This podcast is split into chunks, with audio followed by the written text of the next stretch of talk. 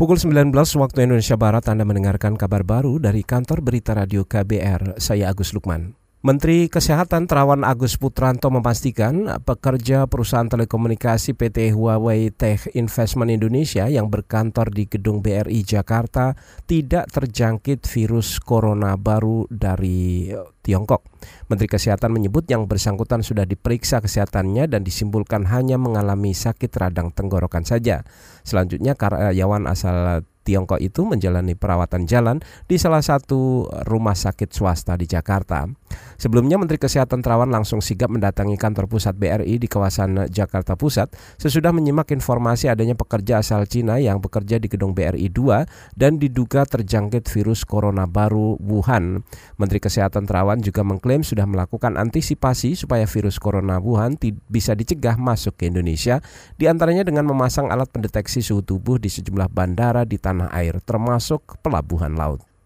Koalisi Masyarakat Sipil Anti Korupsi meminta Presiden Joko Widodo memberhentikan atau memecat Menteri Hukum dan Hak Asasi Manusia Yasona Lauli. Peneliti dari Lembaga Pemantau Korupsi ICW, Kurnia Ramadana mengatakan Yasona diduga melakukan obstruction of justice atau merintangi penyidikan dari Komisi Pemberantasan Korupsi. Hal itu terjadi saat Yasona menyampaikan keberadaan tersangka buronan KPK Harun Masiku yang dinyatakan masih berada di luar negeri. Koalisi Masyarakat Sipil Anti Korupsi hari ini juga melaporkan dugaan perintangan penyidikan itu ke Komisi Pemberantasan Korupsi.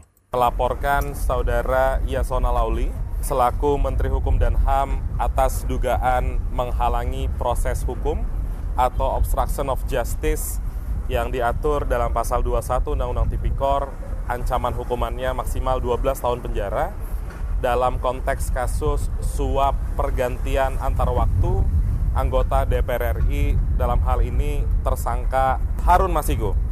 Jadi kita melihat ada keterangan yang tidak benar disampaikan oleh Yasona Lauli itu tadi saudara peneliti dan lembaga pemantau korupsi Indonesia ICW Kurnia Ramadana saat mendatangi gedung KPK Jakarta. Laporan Koalisi Masyarakat Sipil Anti Korupsi ke KPK itu sebagai tindak lanjut dari pernyataan Menteri Hukum Yasona Lauli yang sebelumnya menyatakan tersangka buronan KPK yaitu Harun Masiku meninggalkan Indonesia pada 6 Januari lalu dan belum juga kembali ke Indonesia. Pernyataan itu disampaikan Yasona pada 16 Januari lalu di LP Cipinang. Padahal sebelumnya Direktur Direktorat Jenderal Imigrasi menyatakan tersangka Harun Masiku sudah kembali ke tanah air pada 7 Januari 2020. Koalisi Masyarakat Sipil juga menduga ada instruksi keliru yang disampaikan Yasona terkait keberadaan tersangka Harun Masiku dari Direktorat Jenderal Imigrasi yang masih berada di bawah otoritas kementerian tersebut. Beralih ke informasi ekonomi, Saudara Bank Indonesia mencatat nilai tukar rupiah terhadap dolar Amerika Serikat terus menguat hingga 22 Januari lalu.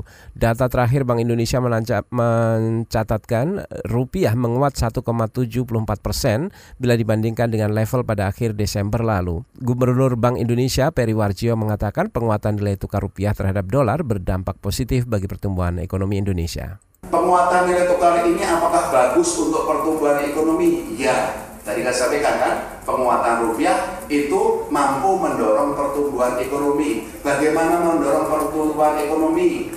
Untuk eh, harga untuk ekspor komoditas, ya, komoditas ini kan bagus karena memang permintaannya naik, harganya naik. Jadi permintaan ekspor untuk komoditas itu naik. Gubernur Bank Indonesia Peri Warjio menambahkan penguatan rupiah terhadap dolar mampu membantu berbagai kegiatan produksi dalam negeri dan investasi. Ia mengatakan bila dicermati, rupiah menguat karena adanya dorongan pasokan valuta asing dari para eksportir. Selain itu, kurs rupiah juga menguat karena meredanya ketidakpastian pasar keuangan global dan daya tarik pasar keuangan domestik yang masih tetap besar. Kita ke Yogyakarta, saudara pemerintah daerah istimewa Yogyakarta berencana membentuk badan usaha milik daerah atau BUMD Aset Fungsinya khusus mengelola seluruh aset milik daerah.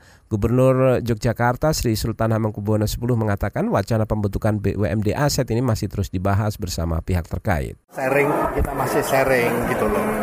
Kita masih sharing. Apakah ya belum belum belum belum belum fake nanti kan itu kan menjadi kalau per, menjadi perda kan ke DPRD yang penting kami ingin ekonomi ini tumbuh tidak bisa turun lagi. ya kan? Sehingga bagaimana kita punya banyak aset aset yang belum termanfaatkan dengan baik akhirnya bisa dioptimalkan. Itu tadi Saudara Gubernur Daerah Istimewa Yogyakarta Sri Sultan Hamengkubuwono X yang menambahkan keberadaan BUMD aset nanti bisa di, diharapkan bisa meringankan beban kerja dan pemeliharaan aset-aset dari pemerintah daerah sehingga nantinya pemerintah daerah tinggal mengurus dividen, mengetahui keuntungan sekaligus kerugian yang didapatkan.